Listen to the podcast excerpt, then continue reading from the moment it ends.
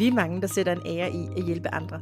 Og denne podcast er dedikeret til alle os, der stræber efter at støtte og løfte andre mennesker. Vi udforsker hemmelighederne bag al hjælpekunst, teknikker, problematikker og den psykologi og filosofi, der ligger til grund for vores arbejde. Vi tager et metablik på hjælpekunsten og deler både vores professionelle og personlige indsigter om kunsten, det er at hjælpe. Dine værter er forfatter, psykoterapeut og livsoprydningsekspert Camilla Lenter. Og stifter af Institut for Coaching Psykologi og professionel sparringspartner Julie Weiger. Vi er her for at hjælpe, inspirere og udfordre dig, som hjælper andre. Velkommen til Hjælpekunst. Så Camilla, Ja, så er vi altså i gang. så er vi i gang. Endelig. ja, endelig, endelig. Var det fantastisk. Det, øh, det har været svært Øh. at finde ud af teknikken, men øh, nu er vi i gang. Nu er vi i gang, og øh, episode 1 af vores øh, fantastiske podcast, den starter her. Ja. Og øhm, ja, vi har jo lagt op til, at vi tager det i one go. Mm. Mm. Så øh, vi, vi krydser fingre og satser på, at det bliver rigtig sjovt og hyggeligt og godt. Ja. Og, og alt det uperfekte er helt perfekt og skal bare Ja. med. Ja, Ja, så dejligt. det er jo også noget det, vi rigtig gerne vil snakke om Ja. her i podcasten Mhm. Hjælpekunst. Yes. Ja. Og hvorfor hjælpekunst? Ja. Det er jo lige det, der er Det er jo det, der er spørgsmålet. Ja, og det er jo fordi, at hjælpekunst, ordet hjælpekunst, stammer fra Kirkegård, den kloge gamle tænker. Øhm, og det er derfor, at vi har valgt at kalde vores podcast Hjælpekunst, fordi han siger nogle meget fine ting om det her med at hjælpe andre mennesker øh, frem eller hen mod det, de gerne vil. Og lære andre mennesker noget. Han siger, at man når det i sandhed skal lykkes en at føre et menneske et, hen et, til et bestemt sted, først og fremmest må passe på at finde ham der, hvor han er, og begynde der.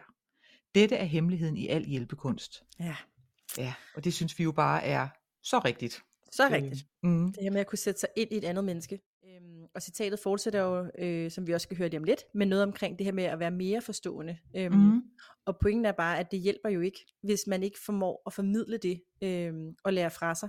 Øh, Nej. ja. Nej, vi har jo alle sammen prøvet de der sådan øh, totalt øh, sådan brainy professortyper, som, som slet ikke kan i virkeligheden formidle deres stof, fordi de ikke forstår, hvor tilhørende er, altså hvor, på hvilket niveau tilhørende er, og så, og så taler man jo hen over hovedet på folk, og det kan også ske i en terapisession, eller en coaching-session, eller Ja. med det, vi arbejder med, ikke? Ja, lige præcis. Og øh, Kirkegaard-citatet, det fortsætter jo med, for vil jeg blot gøre min mere forstående gældende, så er det fordi, jeg er forfængelig eller stolt, så jeg i stedet for at gavne ham, egentlig blot vil beundres af ham. Men al sand hjælpen begynder med en ydmygelse. Ja, og, og ydmygelse her forstået som at være ydmyg, at være ydmyg Ja. over for det menneske, man, man øh, skal lære noget, ikke? Ja, lige præcis. Og det tror jeg måske også er en af de allerstørste årsager til, at vi to sidder her og snakker, fordi sådan, det her med at være ydmyg over for sit fag, og især over for sin klient, altså er jo en, øhm, en grund, kan man sige, en grundpiller, eller hvad man kalder Mhm. det, i, i alt det her, ikke? Ja, en værdi ja, for Ja, os. Ja, ja. Og, og det siger Kirkegaard-citatet bare så dejligt. Så øhm, Ja. Ja. ja, det gør det. Og, og det er det der med øh, ikke at være drevet af en trang til at blive beundret, eller altså øh, tit så, øh, når man møder mennesker, som ikke er særlig gode til at formidle, formidle noget, så er, det, så er de mere drevet af et ego, øh, sådan Mm. en ego-trang til at blive beundret, eller fætteret, eller andre skal synes, at man er enormt klog. Og det øh, kommer der ikke meget læring, eller, eller sådan livsudvikling ud af for, for klienten, eller for den, man, man underviser. nej, lige præcis. Og det sagde den kloge øh, Kirkegaard, og vi giver ham ret. Mm. Men øh, Camilla, inden vi kommer sådan alt for godt øh, i gang, fordi der er sindssygt mange spændende ting, øh, vi skal tale om, øh, og vi har allerede taget lidt hul på det, Mm. mm. øhm, men så tænkte jeg, at det måske var en meget god idé, at vi også lige øh, introducerer os selv, fordi Ja. øh, vi to kender jo godt hinanden, det er ikke nogen hemmelighed. Øhm, men kan du ikke øh, fortælle dem, der lytter med, øh, lidt om dig selv? Jo. Jamen, øh, jeg er psykoterapeut øh, af uddannelse og arbejder som psykoterapeut, og er også, har også taget heilpraktikeruddannelsen for nogle år, for mange år siden, fordi jeg er sindssygt optaget af, af, hvordan kroppen også er med i hele det her med, hvordan vi har det i livet, og hvordan vi bremser os selv og sådan noget. Så jeg er sådan meget holistisk psykoterapeut, kan man sige. Og, øh, og jeg har arbejdet en del med, med rod i livet. Øh, jeg har været hverdagsekspert på et tv-program, der hedder Det Roder, og har også Mm. øh, nogle af mine klienter er, er mennesker, som er overvældet af kaos på en eller anden måde i deres liv. Men i virkeligheden så er al terapi jo oprydning, og oprydning kan også være rigtig terapeutisk. Så, øh, og så er jeg forfatter. Jeg har- udkommer snart den her, om ikke så længe, med en bog, der hedder Spis elefanten. Øh, skab god energi i dit liv en bid ad gangen. sådan tror jeg undertitlen er, jeg bliver ved med, jeg kan huske. Den har, der har været mange forskellige arbejdstitler, det ved du også alt om, Julie. Ja, det er rigtigt. Ja, øh, så det var mig. Og hvad med dig, Julie? Ja, jamen altså, jeg laver lidt øh, forskellige ting, øh, men øh, den, den letteste måde at forklare det på, er nok ved at kalde mig for en psykologisk øh, nørd. øhm, Mhm. jeg har en, øh, en akademisk baggrund med to kandidatgrader i henholdsvis kognition, og den positive gren øh, af psykologien, kan man sige. Jeg er meget optaget af psykologi, mekanismer, videnskab, hvordan det hele hænger sammen. Øh, fordi det jo ligesom er min tese, at forstår man det, jamen så kan man også være en meget bedre øh, hjælpeudøver i virkeligheden. Øhm, Mhm. Og ja, så er jeg stifter af Institut for Coaching Psykologi, øhm, Mhm. hvor at, øh, vi underviser, ja, både coaches, psykologer og terapeuter, øh, men også nogle gange, hvad skal jeg sige, HR-mennesker eller konsulenter, helt almindelige mennesker, øh, der alle sammen har det fokus, at de hjælper andre mennesker med at udvikle sig. Øhm, Mhm. Og øh, vi underviser i videnskaben og mekanismerne bag coaching, bag psykologi, Mhm. øhm, og hvad skal jeg sige, uddanner folk inden for det, der kaldes øh, psykologisk coaching og integrativ coaching. Så det er simpelthen at dygtiggøre folk i hjælpekunst faktisk i virkeligheden. Øhm, og så er jeg sparringspartner øh, for soloselvstændig. Øh, det er primært der, jeg dyrker mit en-til-en hjælpearbejde, kan man sige. Øh, så jeg har fornøjelsen af at være en form for højrehånd i en 8-10 forskellige øh, virksomheder. Og det er super, super sjovt. Det er virkelig, øh, ja, det, det nyder jeg, og det er også der, man får lov til at ja, bidrage med, med hjælpekunsten i in the go. Ikke? Så, mm, Og vi skal også huske at hygge os, Julie. Vil du have en kop te? ja tak, det vil jeg gerne. Du får lige. Ej, hvor dejligt. Ja, Simpelthen det er godt. lækkert her. Godt med noget te. Mm, tak skal du have. Ja.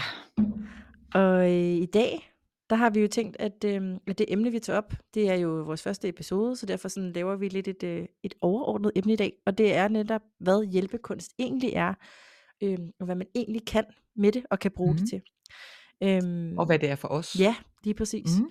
Og Ja. øh, måske er det egentlig en meget god idé at starte der, altså fordi kan man sige, Mhm. et er øh, generelle definitioner, men noget andet er jo så, hvad vi lægger i det. Så Camilla, hvad, øh, hvad, tænker, eller hvad, hvad lægger du i, hvad skal vi sige, ordet hjælpekunst? Jamen altså, jeg, jeg stødte første gang på kirkegårdscitatet, da jeg, jeg er oprindelig læreruddannet, øh, uddannet, og det var på læreruddannelsen, jeg stødte på det, og da jeg blev fuldstændig ramt af det der med, ja, hvor er det rigtigt, det der med, at man, man skal selvfølgelig være lidt et skridt foran den anden, øh, den man gerne vil inspirere eller hjælpe, men man skal jo heller ikke være så langt væk, så man er sådan en øh, fjern professor-type, der overhovedet ikke kan Mm. fornemme, hvor eleven er. Så jeg blev bare meget ramt af det der med, at man skal lige gå et skridt foran, men samtidig også forstå den, man gerne vil lære noget eller hjælpe med noget. Ja. Og, øh, og, det, og det, altså hjælpekunst for mig med, med mine klienter øh, i psykoterapi, øh, er jo at hjælpe dem med at forstå sig selv, øh, og forstå deres mønstre, og, og, øh, og det der sådan guldgraverarbejde, det er at, at finde ud af, hvorfor man gør, som man gør i livet. Ikke? Mm. Ja. Ja. Og hvad er det for dig? Jamen altså, øhm, jeg tror, jeg ser hjælpekunst som sådan en øh, bred betegnelse for, kan man sige, øh, os, der hjælper. Eller sådan nogen, der er dygtige i virkeligheden, fordi Mm. det, der ligger jo også i ordet netop det med, at det er en kunst, altså det er et håndværk, det er en, en faglighed på en eller anden måde. Øhm, men sådan en bred øh, betegnelse for, for hjælpefag øh, i virkeligheden. Øhm, og øhm, en ting, jeg synes, der sådan er øh, både interessant og måske også lidt vigtig inden for det her begreb, det er den, øh, hvad skal vi sige, svære eller sådan øh, bredde, der er i, hvordan man kan hjælpe. Fordi sådan, i den ene ende, der har vi jo både nogen, der sådan, altså hjælper øh, patologisk syge patienter, øhm, Mm. og så har vi hele spektret derimellem, øh, mere eller mindre omkring, øh, altså fra sygdom til normal funktion, og så i den anden ende øh, hjælper øh, performance coaching, eller hvad vi skal kalde det, altså øh, hjælper til optimal funktion. Øhm, Ja. og, og det er et ret, altså det, der, der er ret, ret mange professioner øh, inden for det her spektrum i virkeligheden. Øhm, Ja. Så der er både det her med omkring, om det er patologisk eller positivt i virkeligheden, spektrum, man hjælper på. Øhm, men så inden for det er der jo også sindssygt mange forskellige teknikker, metoder øh, og forskellige øh, vinkler og veje, man kan tage. Så ja, jeg ser Ja. hjælpekunst som en meget, meget bred betegnelse for Mm. øh, os eller nogen, der hjælper nogle andre med at opnå øh, det, de gerne vil. Ja. Øhm, og jeg er meget Ja, enig i, ja, for jeg kunst. tænker virkelig også Mm, undskyld. netop også en bog, en redaktør på et forlag, eller altså der er jo, Ja. der er jo sindssygt mange sådan fødselshjælpere i virkeligheden, Mhm. altså man, og det er jo sådan, vi har mødt hinanden, Ja. at det der med, at du oprindeligt var fødselshjælper for mit bogprojekt, som jeg havde svært ved at få ud i, i livet på egen Mhm, hånd. Altså, jeg hyrede Julie som min skrivecoach, fordi jeg simpelthen ikke kunne få, få fingeren ud, eller få, få handlet på den drøm, det var for mig at skrive en bog. Øhm, og, og det er bare sådan, det er virkelig en form for fødselshjælper for andre menneskers enten konkrete projekter, som et bogprojekt jo er, men eller også det der med, jeg, jeg, jeg kan mærke, at jeg er mere end det her. Jeg vil gerne være, være, være større menneske, eller et mere synligt menneske, eller et mere kompe, livskompetent menneske, end jeg er. Mm. Hvordan bliver jeg det? Og det så, så er de der forskellige fødselshjælpere, som, ja. som jo er i alle brancher, som du siger. Ja. Jeg kan ret godt lide, øh, altså lige ordet i virkeligheden, fødselshjælper, fordi sådan, øh, det føles jo nogle gange altså også sådan, ikke? Altså mange... Ja, teknik, teknikken for os i dag var også rimelig hård fødsel. ja, lige præcis. Øhm, men det er både sådan en smuk ting, fordi det er rigtigt nok, at, øhm, at det vi, jeg og du, øh, altså sådan gør, altså i hvert fald, og især måske mig, kan man sige med business øje med, øh, hvad hedder det, i business-regiet der, det er jo mm. ofte sådan nogle helt konkrete fysiske ting i virkeligheden også, øh, der kan blive skabt. Øhm, ja. Lige så vel som det kan være sådan, ja, personer og øh, ja, energier og alt sådan noget. Ikke? Øhm, mm. Men ja, det er rigtigt. Det er, fødselshjælper kunne det også godt have heddet. Så ville de fleste ja. nok tro, at vi var lidt mere ude i noget sundhedsfagligt, jordmor, og det er vi jo ikke. ja. Men, øhm, ja, det... Men det er hjælpekunsten, der har bragt os sammen, ja. fordi du oprindeligt skulle hjælpe mig med den her, det her meget konkrete bogprojekt. Ja. Og så er det jo så endt med, at at jeg også hjælper mig øh, lige præcis. hjælper dig. Ja, ja det er så smukt. brugt på din øh, coaching-psykologiuddannelse, ja. og ja, så vi, øh, ja. vi hjælper hinanden. Ja, ja. og øh, det er jo i hvert fald også en ting, vi har snakket rigtig meget om, det er det her med, at meget ofte, når vi hjælper, øh, altså det ved jeg i hvert fald fra mig selv, at når jeg hjælper nogen, så føler jeg faktisk også, at, øh, at det er en hjælp, kan man sige, jeg selv får. Altså jeg får noget ud af det hver evig eneste gang, jeg hjælper nogen. Øhm, ja. Og, øh, ja, det var det, vi talte om tidligere, det med, at, at når, man, når man er... Øh, nogen er måske i stand til at holde, holde meget afstand til dem, man hjælper, men hvis man involverer sig med, med sit hjerte og, og bruger sin intuition og sådan noget, så, så bliver det simpelthen altid en form for udviklingsproces for både hjælperen og, og den, der bliver hjulpet. Ja. Ikke? Altså det er, det er en ja, synergi, der sker der, som er rigtig god. Og der er totalt keyword, ikke også? Fordi det der, det synes jeg jo bare er en mega vigtig pointe i forhold til at tale øh, hjælpekunst. Øhm, det er det her, hvad skal vi kalde det, en form for involveringsgrad. Altså hvor involveret er hjælperen i den person, de hjælper. Øhm, mm. Og jeg plejer, øh, fordi det er et emne, jeg går virkelig meget op i, øh, så når jeg mm. plejer mm. at undervise omkring det her, så siger jeg det her med, at der er sådan en... Øh, en skala fra øh, mega overdrevet, overansvarsinvolveret for meget, til mm. øh, slet ikke overhovedet involveret i den anden øh, ende af skalaen.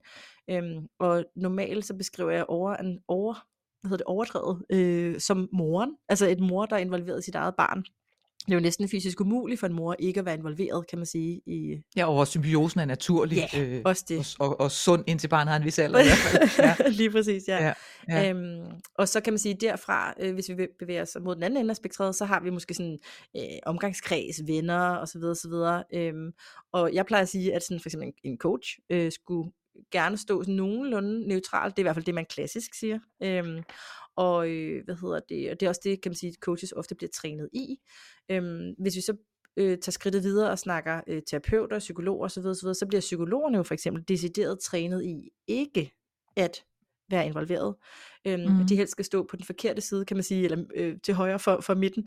Øhm, fordi at, øh, at det ellers simpelthen kan blive for hårdt at have det job, at skulle rumme og være så involveret i andre mennesker øh, på ja. den lange bane. Så de bliver simpelthen trænet i ikke at blive involveret. Og i den helt øh, ydre position på skalaen, øh, der har vi så har jeg typisk forklaret det med en psykiater, fordi en psykiater kigger på, øh, hvad skal vi sige, øhm, øh, symptomer øh, og medicin mm. frem for, for mennesket, og det er jo også det, de skal. Altså sådan, så alt er respekt ja. for det, der er intet galt i det, men involveringsgraden i det personlige menneske er mindre, øh, bør være mindre, øh, kan man sige, når vi snakker øh, psykiatri. Ja, og det er jo sådan generelle term, for, for selvfølgelig tænker jeg, findes der dybt engagerede yeah. psykiater, som yes. involverer sig personligt, og så, men det er jo også noget med, når man har så mange klienter som en, en psykolog og en psykiater ofte har, øh, så, så, så, så brænder man ud, hvis man sidder og har klienter fra morgen til aften, fra mandag til fredag, så kan man simpelthen ikke tåle at involvere sig så meget, som når jeg har tre klienter på en dag, så har jeg jo rigelige ressourcer til at, mm at involvere mig yes. øh, også og, og have hjertet med, men, øh, men det er jo virkelig en, en vigtig form for selvbeskyttelse også ja. i de fag. Ikke? Jamen det er så rigtigt, mm. og det er lidt sjovt, du siger tre, fordi jeg har øh, testet det, altså jeg har haft, øh, i perioder har jeg haft sindssygt mange klienter, og der mm. kunne jeg jo mm. næsten til sidst ikke huske fra næse til mund, eller hvad jeg siger, men mit, mit sweet spot, det er faktisk fire. Altså, Ja. øhm, og jeg kan godt lide sådan to i rap, så en pause og to i rap. Det er sådan helt perfekt. Der er mega godt flow, Ja. og øhm, så har jeg også brugt mig selv, kan man sige. Øh, jeg har haft testet at, at gøre det mere, og det er simpelthen for meget. Altså, det kan jeg ikke. Ja. Og det kan man Og sige. det er jo der, hvor man risikerer at blive omsorgstræt, ikke? Altså Jo. det, man kalder omsorgstræt, at man simpelthen, så når børnene kommer hjem fra skole, så, så kan man slet ikke overskue, at de har nogen som helst behov, fordi øh, man Ja. har brugt alt for meget af sig selv, hvis man netop har de der otte klienter på en dag, eller et eller andet. Ja, Ikke? og så tror jeg også, det siger netop noget om, hvor involveret man i virkeligheden er. Ja. Øhm, fordi kan man sige, skulle jeg have otte mennesker på en dag, det kunne jeg også godt. Men så blev jeg jo nødt til sådan at holde en lille smule igen øh, af mig Og selv. spare, og spare Ja, på dig selv. Ja. Præcis. Ja. Øhm, så det er faktisk, synes jeg, en meget interessant element i, hvad vi kalder øh, hjælpekunst, det her med netop, hvor involveret øh, er man, hvor in- involveret bør man være. Øhm, Ja. Fordi der er jo ikke et rigtigt og forkert, og som du også Nej, rigtig hvor sagde, meget kan man give, hvor meget skal man give? Ja, Ja. altså det er Mm. både nuancer, og så er der selvfølgelig en masse generalisering, når, når vi sætter det op på den her måde. Øhm, men, men jeg plejer at sige, at sweet spottet, det er, når du befinder dig nogenlunde omkring midten, med Mm. en fod på den forkerte side, altså med en involveringsfod øh, på den forkerte side, fordi øh, jeg tror simpelthen også på, at du bliver nødt til at være ægte oprigtig interesseret i et andet menneske. Altså sådan Ja. lige på den forkerte grad af, af helt komplet neutral. Øhm, Ja. Fordi øh, så tror jeg på, at vi aktiverer alle de rigtige ting, der skal aktiveres af øh, intentioner og følelser Ja. og alt sådan noget. Øh, Min søsters kloge gamle psykolog sagde engang, øh, gav engang det billede, at man er på en, øh, man er på en tømmerflod sammen. Øh, under sessionen eller under samtalen er man ligesom på en tømmerflod sammen med det her menneske. Ja. Øh, og det er man nødt til at være, fordi at man kan ikke bare altså, lade dem svømme rundt, mens man sidder på tømmerfloden. Altså man er på en eller anden måde nødt til at, ja, at involvere sig og være, og være nærværende til stede, øh, mens man er der. Ja, ja. fuldstændig. Altså, øh, og det er meget, meget spændende, når man, øh, når man beder øh, hjælpekunstnere, eller hvad man skal sige, om at, at sætte sig selv på sådan en skala. Altså sådan, hvor Mhm. involveret er du egentlig øh, i Ja. dine klienter? Øhm, Ja. Og det får som regel nogle virkelig interessante øh, snakke frem. Øhm, især også netop, kan man sige, øh, med psykologer, som jeg øh, har haft øh, de her diskussioner med mange gange, øhm, Ja. som der egentlig bliver lidt overrasket over, sådan, gud ja, der er også den anden ende af spektrummet. Og så kan man sige, så ligger det jo også ofte naturligt for nogen, Mm-hmm. altså øh, at tage den. Så, og de skal mere passe på sig selv, men det er det, Ja. vi ligger alle sammen naturligt et eller andet sted, og det skal vi have det godt med, øh, fordi Ja. vi jo også er forskellige. Ikke? Men ja, Jo. oprigtig interesse og involvering. Ja. Lige. Og jeg får lyst Ja. til at dele sådan et helt lavpraktisk, øh, øh, som jeg gør. Jeg, jeg har klinik hjemme og arbejder hjemmefra. At jeg går tit simpelthen udenfor imellem klienter og, og, øh, og går ud på jorden. Ja. Øh, Det, nu går vi lidt over i heilpraktik, men Mhm. det der med at få jordforbindelse med på altså strømpesokker eller bare fødder, Yes. hvis det er tørt og godt vejr, lægger jeg mig på græsset. Ja. Det der med at komme ud i de der negative ioner, som, som jorden og, og fugten udenfor og naturen giver, det kan bare virkelig sådan rense tavlen på en eller anden måde, så man, øh, ja, så man passer på sig selv og er klar til den næste klient uden at brænde sit lys i begge ender. Ikke? Ja, jeg synes, det er så fedt, du deler det, fordi du har jo fortalt mig det før, for lang, lang tid siden, og jeg er Ja, jo, øh, som ja. du ved, hende der videnskabskvinde, der er meget skeptisk. Ja, Men jeg har prøvet ja. det, og det giver altså helt vildt god energi. Jeg, jeg, Ja. Især de gange, hvor jeg har følt sådan, puha, nu er jeg brugt, så har jeg gjort, som du har anbefalet, gå ud og lagt ned, og det giver virkelig øh, noget helt andet. Både også kulde varmemæssigt, altså kan man sige, øh, change Ja. of location og alt det der. Så jeg, Ja. I stemmer mig bare, at det, Nå, det kan fedt. noget. Ja, det kan virkelig noget. Ja, fantastisk. Ja. Mega spændende. Altså, hvad Ja. hedder det? Um, så kan man sige, øh, ja, hjælpekunst, det kan være mange ting. Øh, blandt andet er der, øh, kan man sige, det her omkring, øh, hvor involveret man er, når man er Mhm. hjælper. Øhm, men en ting, som vi jo også ofte i hvert fald har, har nævnt, var relevant for, for hjælpekunst, det er det her med ansvar. Fordi, øh, og det hænger Ja. faktisk sammen med involveringsgrad, Ja, det ikke? gør det. Ja. Jo. Fordi er det Ja, hvor meget ansvar Mm. skal man tage for den andens udvikling? Ja, både det, og hvor, ja. og hvor stort et ansvar bærer man for, at de får resultater. Altså øh, Ja. for eksempel, når jeg, kan man sige, sælger øh, mine ydelser, øh, så er jeg jo, jeg plejer at sige, jeg kan aldrig love nogen noget, men jeg er jo garant, siger jeg, for at det kommer til at ske. Fordi det er Mhm. ligesom, jeg arbejder enormt meget med accountability, øh, altså adfærdspsykologi og alt det her. Så hvis jeg aftaler noget med... Prøv lige at, prøve at forklare lidt mere om det, Jule, for det, er Ja. jo- altså, det, det er jo et ord, jeg har lært gennem dig, som ikke jeg aldrig har brugt før. Og jeg tænker bare, det må alle kende, for det er verdens mest fantastiske ting. Nej. Ja, Jamen, øh, Ja. altså jeg ved faktisk ikke helt, hvordan man, øh, altså sådan, hvad man vil oversætte det til. Forpligt, altså man Forpligter sig. sig, Ja, man forpligter sig til, til nogen eller noget, Ja. ikke? Øhm, Mm. Jeg beskriver det meget ofte med den her hvid kittel-effekt. Altså det her med, at står der en læge i en hvid kittel og siger noget til os, så hører vi lidt ekstra ekstra meget efter, fordi han har en autoritet. Øhm, Mhm. Og det samme gør sig gældende i virkeligheden med accountability, øh, altså forpligtelse, om det så enten er med en, øh, hvad skal vi sige, en ven, eller en bekendt, eller en mentor, eller en lærer, eller hvordan det var. Altså inddrage et livsvidende Ja, på en eller anden måde. Lige ikke? Ja. præcis. Jeg elsker din måde Jamen- at sige tingene på. Lige præcis. Et livsvid, liv, livsvidne. Ja, Øhm, og jeg kan jo beskrive, hvordan du gjorde det med mig, Ja. ja. da, jeg, da jeg først skulle til at skrive min bog, og øh, prokrastinerede, altså udsk- udskød og, og syltede mit projekt uge efter uge, selvom jeg havde hyret Julie og betalt hende for at hjælpe mig med at komme i gang. Øh, der, der var det jo det, at der begyndte Julie at at du var en hård nød at knække. jeg var en meget hård nød at knække. Øhm, og simpelthen give mig konkrete deadlines til for eksempel ugen efter, eller om tre dage, og så var det sådan noget med klokken 23.59 øh, om aftenen, inden da skal du have sendt mig det og det og det. Og det der med de der meget præcise tidspunkt, det er øh, meget sjovt, fordi det er jo helt åndssvagt, men det gør altså noget, at man sådan, okay, inden midnat, inden midnat, og at man så sidder klokken 23.25 og skriver, det er jo egentlig virkelig ligegyldigt, fordi man får faktisk rykket på noget, Ja. med den der meget konkrete accountability øh, deadline, du ligesom har lavet. Ja. Øh, Ja, du lovede en, mig, at det skulle ligge der.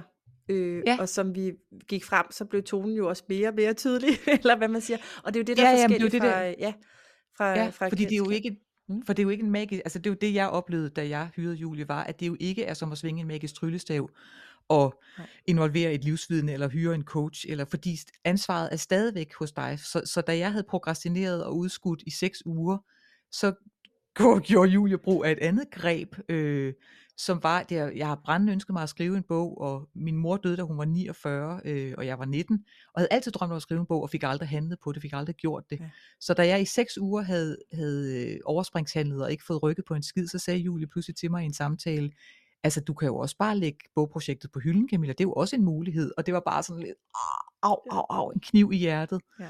Fordi at Julie gjorde mig opmærksom på, at jeg har et valg, og at det var, undskyld, pardon my French, fucking mit ansvar at rykke på det her, jeg havde besluttet mig for at gøre. Ikke? Ja. Så det var, det var øh, tough love, men det virkede, Ja. fordi så kom jeg i gang. Ja, og jeg tror faktisk, at det var sådan øh, ekstra meget tough love, for jeg mener, at jeg sådan mindede dig om din afdøde mor. Og at hun, altså Ja. ja. jeg, dit why i virkeligheden, ikke? Altså sådan, Ja. øhm, men ja, jeg vil sige, du var også, øh, du var en hård nød at knække, og det er jo det, der er så skide Mhm. spændende, synes jeg, når vi arbejder med mennesker, det er, at folk er vidt forskellige.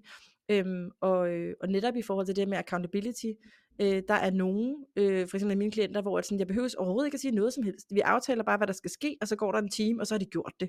Du ved, altså sådan, mm. sådan kan det være, og så kan det være øh, den anden ende af skalaen, hvor nogen egentlig gerne vil noget, men i virkeligheden ikke sådan helt, du ved, du, du, du og ikke ligger indsatsen, eller hvordan der var ledes, ikke? Øhm, og ja, altså det begreb øh, er, er øh, i hvert fald et, et virkelig stærkt greb, kan man sige, i, øh, i hjælpekunst. Altså, øh, Ja. det kan noget. Ja, og, Mm. ja, og, det, og det, da du sagde det der med, at vi kan, du kan også bare lægge dit bogprojekt på hylden, der gjorde du mig jo pludselig opmærksom på min indre motivation Ja. Mm. for at skrive en bog. Ikke? Yes. Og det er bare, det er bare så vigtigt, at det er ens egen, altså det Ja. der med, at, at øh, hvis man tager ansvar for, tager man ansvar fra, som, øh, som en, der hedder Ben Falk, han har skrevet en rigtig god bog, øh, der hedder Være der, hvor du er, Mm. som vi øh, brugte på psykoterapeutuddannelsen. Men, men det der med, at, at det, du var jo nødt til at gøre mig opmærksom på, at ansvaret var mit. Ja. Du kunne hoppe og skrige og ringe til mig hver uge og så videre, men, men det hjalp jo ikke noget, hvis jeg ikke. Nej. selv handlede og tog ansvar. Nej, jamen det er så rigtigt. Og vi skal jo så lige huske, der kom en bog ud af det. Woohoo! Det gjorde der, og den udkommer den 21. september. Ja, og ved du hvad, Ja. øh, det s- ynder jeg jo også at fortælle, når jeg bruger dig som eksempel øh, omkring netop sådan noget accountability og sådan noget. Det er jo, hvor vanvittigt hurtigt du så faktisk sprøjtede en bog ud bagefter. Altså normalt, mm. når jeg øh, hjælper klienter, det er jo ofte netop soloselvstændige, der skal skrive en form for bog, faglig bog, eller eller andet den du har. Øhm, og, og nogle gange er det jo altså, halve, hele år om, om det, og bevares, det- der er alt er respekt for at bruge den ja, tid ja, på det, det. kan det Men jo du brugte to ja. måneder. Du brugte to Ja. måneder, bum, og så lå den der egentlig, og så var resten, kan man sige, redigering og alt muligt andet. Ikke? Øhm, Den og- var blevet og- skrevet ind i hovedet. ja, Ja. men det var den, den var Ja. så klar. Du var poppeklar, ja. som jeg plejer at sige. Ikke? Ja. Øhm, Jo. og der handlede det jo egentlig bare om at få, ja, få de rette, tryk på de rette knapper, og bum, Ja. øh, så lå den der. Ikke? Til gengæld vil jeg bare sige til dem, der, der lytter, som selv sidder og drømmer om at skrive en bog, at e- den efterfølgende, hvis man skal sige, øh, hvis vi skal fortsætte i fødselsbilledet, fødselshjælperbilledet, så hvad skal man sige, moderkagen, den var sgu noget tid om at komme, fordi jeg har haft svært ved at finde et forlag, som vil antage den, og og mistede simpelthen modet i mellemtiden. Altså, Ja. da jeg havde sendt til de første fem forlag, så skulle jeg lige sunde mig i 3-4-5 måneder, Ja, men det var jo år, faktisk, fordi altså, at du var, ved, du var Ah. faktisk halv, altså næsten allerede optaget på et af de helt store forlag, og så endte det med at blive et Ja. nej alligevel, og det slutter lidt Ja. ud. Og ved du hvad, Ja. det synes jeg bare er så fair. Ja. Øhm, Men det er bare det der med, at nogle gange, min bog hedder Spis elefanten, og jeg skulle til at sige, at nogle gange skal man læne sig som en ele- elefant, når man, altså, når man har de her livstrømme, så er det sådan nogle organiske processer, der bare tager tid, Ja. har jeg bare lyst til at Ja, sige. det Og det rigtigt. kommer ikke til at ske linært, og det kommer ikke, og altså ja, jeg skrev måske det grove, grove råmateriale til bogen på to måneder. Jeg tror altså, det var tre-fire måneder, Julie, det var det men ikke. det gør jeg ikke ved noget, det, du er jeg ved det, Camilla. Jeg har tjekket ved mig. men altså, men det kom hurtigt, da jeg så, men, men alt det der efterarbejde er, har været et kæmpe arbejde også, ikke? Så, Ja. så, øh, så det tager tid, Ja. men det skal man ikke øh, sylte sine drømme på Nej. grund af. Det, Nej, det skal man ja. ikke. Og, og hele hovedpointen her var netop det der med, hvor ligger ansvaret? Fordi, kan man sige, øhm, øh, det er en balance. Altså, og Mm. øh, med selvfølgelig, og kan man sige, piske gulerod er også en ting, men, men det der med, at, at øh, den man hjælper, har ansvaret. Og det skal de Ja. vide, for går man ind og tager for meget, mm, så, så sker der ikke noget. Altså i hvert fald efter øh, min øh, oplevelse. Ikke? Øhm, Og det var jo meget interessant det der med, at det var jo tydeligt øh, for os to, da vi begyndte at arbejde sammen, at gulerod, altså det med at få en præmie eller se visionen for sig eller sådan noget, det var ikke noget, jeg var særlig god til, og, og det virkede ikke så godt på mig. nej, det er rigtigt. Så det er jo meget forskelligt, om folk de drives af, af hen imod, altså ja. guleroden, eller væk fra, øh, jeg vil væk fra et eller andet, Yes. altså pisken, ikke? Ja, det er meget rigtigt. Øh, hvad hedder det? Um, altså mine klienter, der kan jeg næsten sådan dele dem i sådan to lejre, du ved, sådan hen imod eller væk fra øh, lejren. Øhm, og det er mega sjovt. Altså nu, nu skal jeg jo så til at nævne et eksempel, og der har vi jo vedtaget, Camilla, at vi bruger et, øh, et navn hver gang, så der ikke er nogen, der kan... Pseudonym, Pseudonym, eller hvad det hedder. ja. Ja. Så øhm, Kim René, ja, eller René Ja. Kim, hvad var det? Kim Ja, René? vi, tænkte, vi tænkte, at Kim René, både Kim og René er, er navne, som både mænd og kvinder kan hedde, så, så der er heller ikke noget kønsspecifikt, så, så Kim René er fremover vores, vores alle, sådan et navn, ja, en betegnelse for alle klienter. Ja. Lige præcis. Øhm, og jeg havde en Kim René, øh, som der var sindssygt drevet øh, mod, øh, eller rettere sagt netop, altså var drevet af, at jeg skulle væk fra noget. Altså hånden på mm. Kogepladen var, øh, var næsten sådan et, øh, et fast motto, og, øhm, Mhm. og det var sådan noget med at øh, du ved, øh, låne en million i banken, og så øh, fangede bordet, og så var det nu, og så var han til gengæld også sindssygt god til at eksekvere. Øhm, men hvis det var med modsat fortegn, som sådan, om hvad kunne du egentlig godt tænke dig, hvad er drømmen, hvordan ser den ud, og så videre, så videre, så skete der ikke rigtig noget. Øhm, så det sådan ser lidt som sådan, øh, ja, altså i den ene ende af væk fra skalaen, og så havde vi, har vi jo mange af de andre, det ved vi jo også godt, altså at alle, Mhm. mm-hmm. også coaches og så videre, så videre, sikkert også psykologer og alle de andre, bliver jo sådan trænet op i, at det er bedst at have et hen imod mål. Og det siger mm. Statistikken, det siger videnskaben også. Øhm, det er jo bare ikke altid sådan, det, det eksisterer. Øhm, men dem, der har hen imod Nej. mål, de er jo så meget mere motiveret af noget, de gerne vil have til at ske. Øhm, og vi snakkede her inden om, at det har noget med både en vision at gøre, altså sådan som både i, i tankens vision, altså hvad kunne man godt Mm, tænke og sig. have et billede ja, af det. præcis, Ja. og så det visuelle. Ja. Øhm, fordi det er som om, at dem, der har en stærk visuel evne, og kan man sige, og, og ved, hvad de gerne vil have, altså sådan hastigheden, hvormed det kan opnås, øges, øh, når den her vision simpelthen øh, visuelt kobles på. Ikke? Øhm, og der havde jeg altså også en, en, øh, en Kim René, som øh, havde sådan meget konkret første mål, vi skulle, og det var, at øh, de første 100.000, hun øh, tjente, de skulle bruges til øh, en lille, et lille annex, som der skulle være hendes kontor. Ja. Og det er jo den fedeste oplevelse. Altså det der med det Ja. kønsneutrale går lidt af det, når du siger hat og hund. men der er jo ikke det nogen, der var ved, om jeg har byttet rundt. Nej, det var selvfølgelig faktisk min, øh, min Ah, tanke her. Du bytter rundt måske. Ja, Okay, ja, ja, så nu er jeg Vi kunne godt, også have sagt hen, total- men det synes jeg, sådan, Ja, det bruger de meget i Sverige, Ja. men det er jeg ikke lige så meget til. Ja. Øhm, Ej, men anyhow, Snedigt, snedigt, Julie. Ja. ja. det var en han den første, og hende den næste. Mm. hun, ja. Ja. hun sidder jo så simpelthen nu i dag og arbejder i hendes fantastiske 100.000 kroners øh, annex. Mega lækkert. Øh, og Mm. meget, øh, hvad hedder sådan noget, ægte manifestering af, af et hen imod mål, øhm, som Ja. hun jo så i virkeligheden bliver bekræftet i hver dag, hun sidder der. Ikke? Jo. Øhm, Så, så og det er meget ja, interessant, fordi når, inden for psykoterapien, eller når jeg arbejder med klienter, så synes jeg tit, at, at det starter med at være væk fra. Altså jeg, jeg møder klienterne, hvor de er, åh, jeg gentager mine forældres lortemønstre, eller jeg sidder fast i noget gammelt, som kommer der og derfra, eller altså, det er sådan, jeg vil væk fra det her, jeg føler, den her suppedage, jeg føler, jeg sidder fast i på en eller anden måde, eller sorg, eller man Ja. ikke kan slippe en skilsmisse, alt sådan noget, væk fra, væk fra, væk fra. Og så først, når jeg har arbejdet med dem i et stykke tid, begynder der at forme sig nogle, okay, så bliver de klar til, okay, men jeg vil, hvad vil jeg egentlig hellere, Mm. end det jeg så følte, jeg sad fast i. Og det er først, når de begynder at, at ikke sidde så fast mere og slippe lidt, at de begynder at, at formulere nogle visioner, og, og vi sammen jo, fordi det er lidt, på en eller anden måde, så føler jeg, at min opgave som psykoterapeut i starten også er at, at gøre dem opmærksomme på, hvor de har ressourcer Ja. og, og, og kompe- livskompetencer, og, og, og hvordan jeg ser dem som strålende mennesker, eller stærke personer, eller et eller andet. Ikke? Og så begynder det efterhånden at, at blive integreret i dem selv, og blive, at de bliver i stand til at, Ja. At se det. Det er faktisk mega interessant, fordi man kan sige, at vi to kommer jo også fra nogle, og det har vi jo oplevet i flere omgange, ikke? altså fra nogle meget forskellige baggrunde, øhm, og det er blandt Mhm. andet også derfor, vi som team som regel står ret stærkt, øhm, Mhm. fordi du kommer jo fra psykoterapien, og i princippet den mere patologiske, eller sådan sygdoms, eller ikke sygdoms, men altså sådan, hvad hedder det, sådan ønsket om at, at, at hæve sig, øh, hvad Ja. hedder det, til for eksempel normal funktion, eller det der er bedre, øh, og jeg Ja. kommer fra coachingverdenen, øh, som der oftest har haft mere fokus på sådan fra normal funktion til optimal funktion. Øhm, Ja. Og især i, kan man sige, i, i det regi, jeg arbejder med businessmennesker, så kommer de jo næsten alle sammen med en vision. Altså de kommer godt og ved, hvad de vil.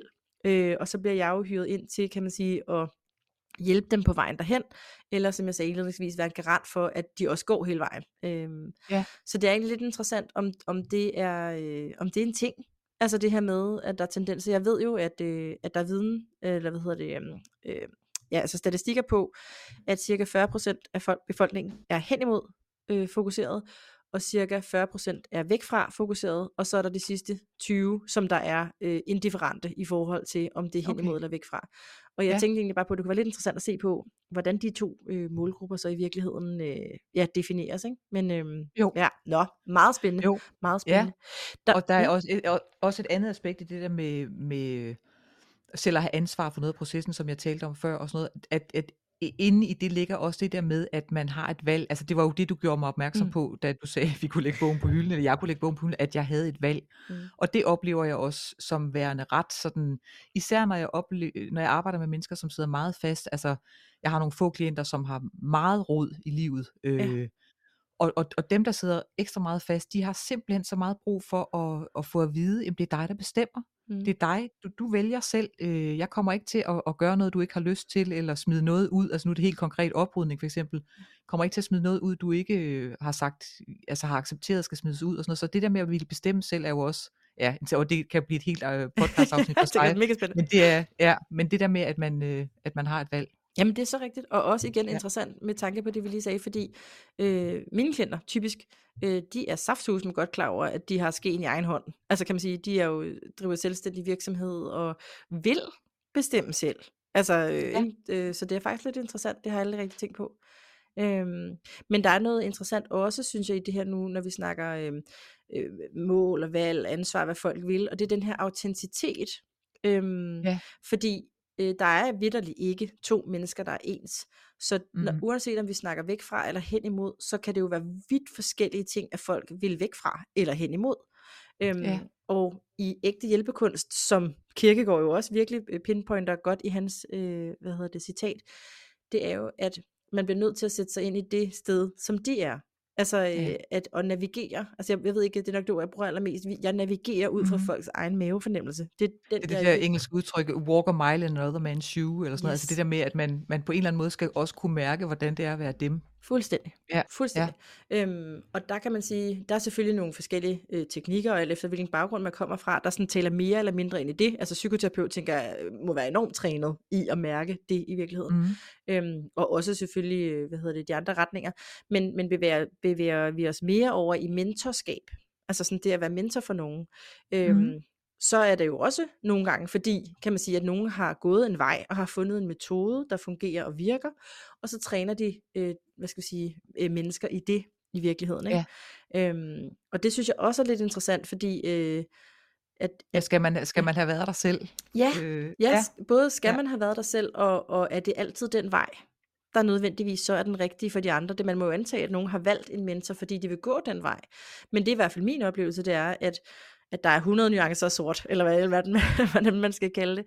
Øhm, at, øh, at det der med at finde ind til den ægte kerne af, Ja. hvad det egentlig handler om. Og lige, ligeledes kan man sige, hvis vi nu bruger dig og bogeksemplet igen, altså du ved sådan, hvorfor var det, at den bog var så vigtig, at den skulle ud? Det er jo så sindssygt vigtigt at, at have, have fast i, ikke? Jo. Øhm, ja, Jo, og lige med det der med, om man skal have gået vejen selv og sådan noget, der, der synes jeg, at, altså jeg bruger også eksemplet i min bog med, at jeg, jeg vil hellere, hvis jeg har problemer med overvægt, vil jeg hellere vejlede sig en diætist, som selv kender til og Ja. kender til overspisning for eksempel, eller at have problemer med vægten, fordi at, og jeg vil også helst have en jordmor, der har prøvet at føde, Ja, altså, ja. øh, så, så, så, for, så for mig er det helt naturligt, og, og, øh, og jeg oplever nogen, øh, som sådan øh, ikke vil fremhæve, at de selv har haft problemet, eller stadig har problemet i en mindre grad, Ja. fordi sådan har jeg, jeg er jo, øh, jeg er jo recovering rodehoved, ligesom en alkoholiker, der ikke drikker, altså jeg er ved at lære det, yes. men jeg er jo ikke øh, blevet til superordensmenneske af at have, have brugt alle mine egne strategier. Nej. Men det hjælper bare mine klienter rigtig meget, når jeg indrømmer, at jeg ikke er perfekt. Yes. At jeg også øh, har, har kaos i livet på forskellige måder. Eller, og det betyder ikke, at vi skal blive super private med vores klienter, men at indrømme, at man også er et Ja. menneske, og at man også har fejl, det er utrolig skamreducerende, yes. når man arbejder med andre mennesker. Og det er ligesom, som jeg, det eksempel, jeg så tit har brugt, at da jeg startede for 20 år siden i terapi hos min kloge gamle psykolog, der startede hun øh, seancen med at komme til at sparke til sin kaffekop på gulvet, og der var kaffe overalt, og hun rendte rundt og tørrede det op. Og mit nervesystem faldt bare fuldstændig til ro, fordi okay, hun er også bare et menneske og kan komme til at spille kaffe. Og, al- altså, det, det er bare øh, det er beroligende og skamreducerende, når vi er mennesker. Ja, jamen jeg er så enig, øh, og du hører jo også mig tit, når vi snakker, altså bruge eksempler både fra mig selv, men også fra skal sige, kendte situationer. Øhm, men jeg er helt fuldstændig enig i, altså det er et klassisk spørgsmål, om man behøver at have en faglighed inden for den kompetence, som man hjælper øh, en person Mhm. med. Men Mm. Jeg er helt enig i, at jeg vil også hellere, øh, hvad hedder det, øh, ja, øh, følge en person, der har gået vejen selv, og det er jo også, altså alle de mennesker, jeg hjælper, sådan business-wise, der er ingen, og inklusive mig selv, der er ingen af os, der hjælper nogen med noget, vi ikke selv har erfaring med. Øhm, at jeg i dag sidder og underviser i coaching-psykologi, det er jo fordi, jeg selv har haft en, et brændende ønske om at være klog nok, vide nok, Mhm. altså sådan Mhm. øhm, kunne svare på alle spørgsmål, og hvis der var en coaching-klient, der øh, skulle spørge mig om et eller andet, at jeg så kunne øh, forklare, hvilken mekanisme i syvende potens det var, at et eller andet. Og det var jo det, der har ledt mig til at, hvad skal jeg sige, øh, fylde på, fylde på, fylde på. Og det, der så til gengæld har været vildt sjovt, det er jo, at på et eller, en eller anden dag gik det op for mig sådan, "Nå, okay, da der var en, der spurgte, om jeg ville skrive en PhD, så tænkte jeg, nå okay, nu har jeg nok. Altså nu, nå, nu må jeg jo godt kunne et eller andet, eller hvad man siger. Men Ja, det er jo slet ikke ja. det. Altså bevares, jeg bruger det jo fra tid til anden, men det er jo ikke al min store viden og øhm, psykologi og alt det der. Det er jo ikke det, jeg bruger mest af. Jeg bruger faktisk mest mig selv. Ja, Øhm, og Din intuition Ja, min og intuition. Ja. energi sindssygt meget. Altså jeg er blevet virkelig overrasket over, øh, også fordi jeg kommer fra videnskabens vinkel her, og først de senere år, kan man sige, har fået en, fået en masse, et, et godt ordforråd for alt det andet også. Men jeg har jo Mhm. set det ske 117 gange, øhm, og energi er i virkeligheden det, øh, ja, jeg laver i virkeligheden. Ikke? Øh, ja. Jo, fordi det der med, altså hvis du ikke øh, var begejstret på mine vegne, når jeg havde nået en milepæl, eller altså, Ja. di- din, din, altså den måde du fungerer som et, som et begejstret livsvidne, er jo, er jo guld værd, og det er, ja, og det samme med mine klienter jo, altså det er det der med, at man er, er invo- involveret og mærker, altså kan blive rørt af klientens Ja. fremskridt, eller begejstret for det, eller det er, øh, altså fø- følelser øh, Ja. healer, altså det gør de bare, og det er relationen, der healer, som, som Jalom, ham den kloge, øh, Mm. der har skrevet mange gode bøger om, om psykoterapi og sådan noget, han siger jo det der med, at det er relationen, der helbreder, Ja. og det er det altså bare Ja. i alle, alle jobs. Ja. Ja, og især kan man sige, hvis man kommer med den humanistiske vinkel, så er det 120.000 procent skrevet granit, at det er den. Mm-hmm. Øhm, Ja. Selvfølgelig kan man sige, at en kirurg kan godt være fuldstændig følelseskold og operere dig til UG og kryds og slange, og du overlever. Men i alt det der, hvor det er menneskekontakt med relationer Ja. og sådan noget, der, øh, ja, Og der så ville det- vi da alle sammen allerhelst have en kirurg, der også ønskede os det godt. kan man sige. Selvfølgelig, ja, ja. ja, Men, helt øhm, sikkert. Hvad hedder det? For at blive- binde en sløjfe på det her med ansvar, øhm, Mhm. så kan man sige, at vi er jo meget enige om, at det er klienten, øh, kan man sige, der har bolden, der har ansvaret, øh, og at, øh, at vi i virkeligheden støtter dem og hjælper dem til at blive mindet om, at det er dem, der har ansvaret. Øhm, Mhm. Og det kan så være i større eller mindre grad, alt efter hvilken type klienter vi har. Øhm, den måde, jeg gør det på, det er jo, øh, hvis det er der er nogen, der har lyst til at aborte the mission. Altså du ved, hvis de har sat sig noget for, lad os nu sige igen, det var dig, der kom og sagde, og det gjorde du hvis, nej, det gjorde du ikke på et tidspunkt, men vi havde sat os for, at vi skulle skrive den her bog. Og hvis du så lige pludselig var kommet og sagt sådan, du ved, puh, næ, næ, næ. altså du ved, så er det jo der, hvor, at, og det var jo også det, der skete, men det er jo der, hvor at, at jeg så har ansvar for at minde dig om, hvorfor det var, at vi aftalte, at det her skulle ske. Ja. Øhm, og ligesom sådan holde the why, eller hvad vi skal sige, altså sådan holde øh, fokus på, hvorfor det her skulle ske, og også, øh, hvad hedder det, øhm, øh, min, min om, øh, hvad skal jeg sige, drømmen, visionen, hvad er det, der venter, øhm, og, og holde øh, inspirationen, altså sådan, og også det Ja. med at blive ved med at fokusere på, hvor langt man er nået. Øhm, Mhm.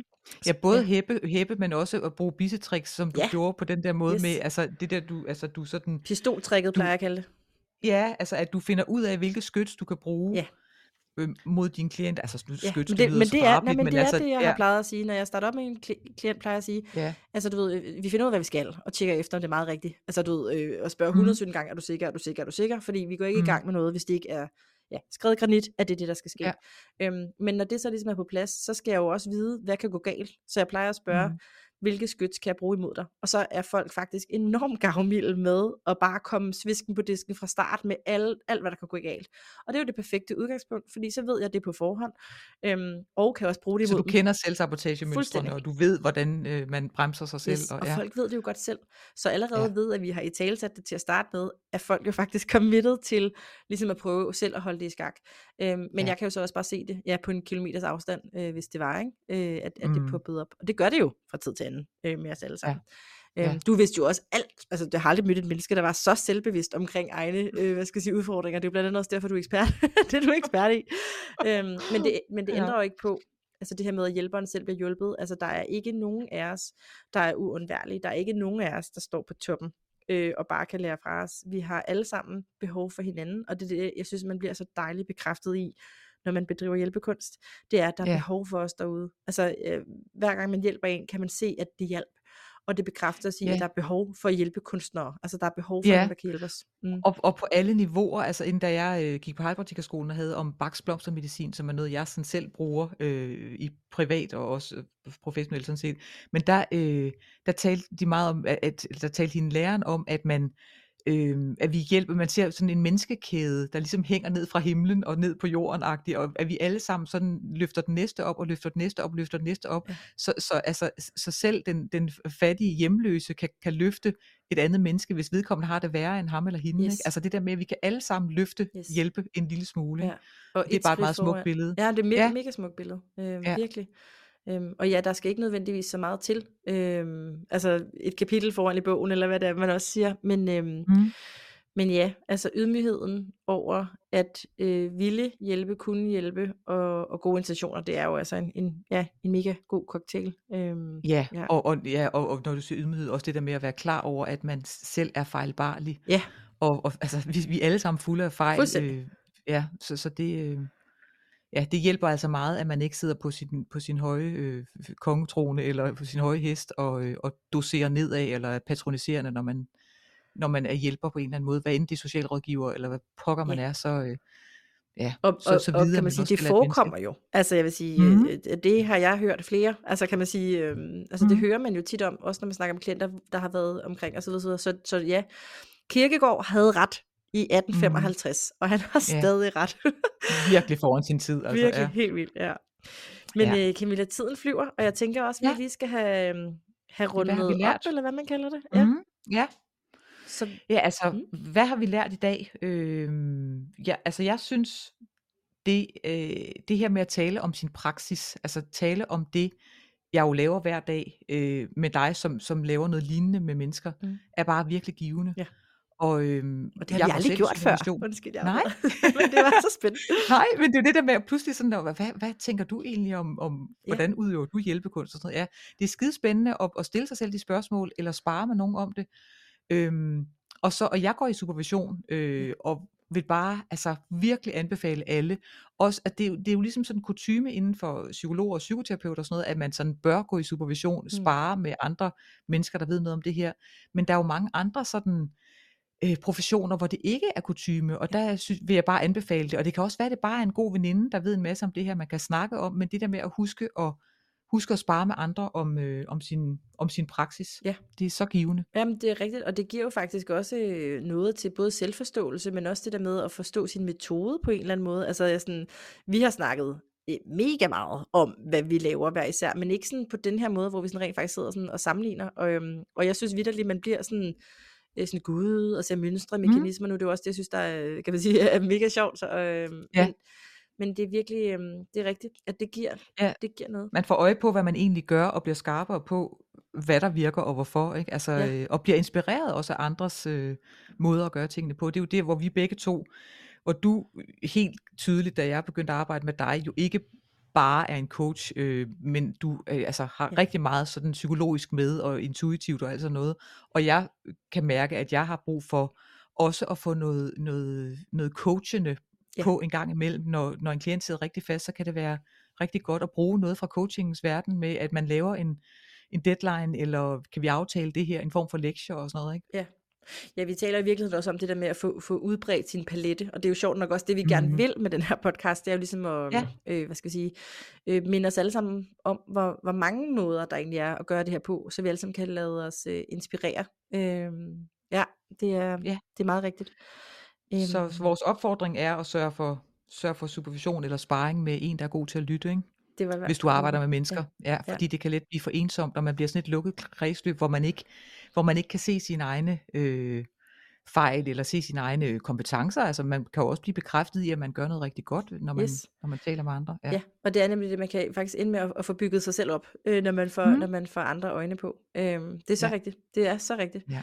Øhm, og vi kan jo godt lide at tale om med hinanden, og det er jo i virkeligheden, og fællesskab er jo også en, en ting, vi virkelig prædiker. Altså kan man sige, mm. begge Mhm. to. Der er simpelthen så mange problemer i verden, der kunne blive løst, hvis folk var lidt mere ægte og rigtig interesserede i hinanden. Ja. Øhm, og øh, kan man sige, både dele det ud, men især spurgte ind. Så det kunne jo også være en opfordring. Du har jo også spurgt mig, Mhm. jeg har også spurgt dig i dag, og det giver noget. Ja. Så det kan, også, øh, det kan også være det med den på.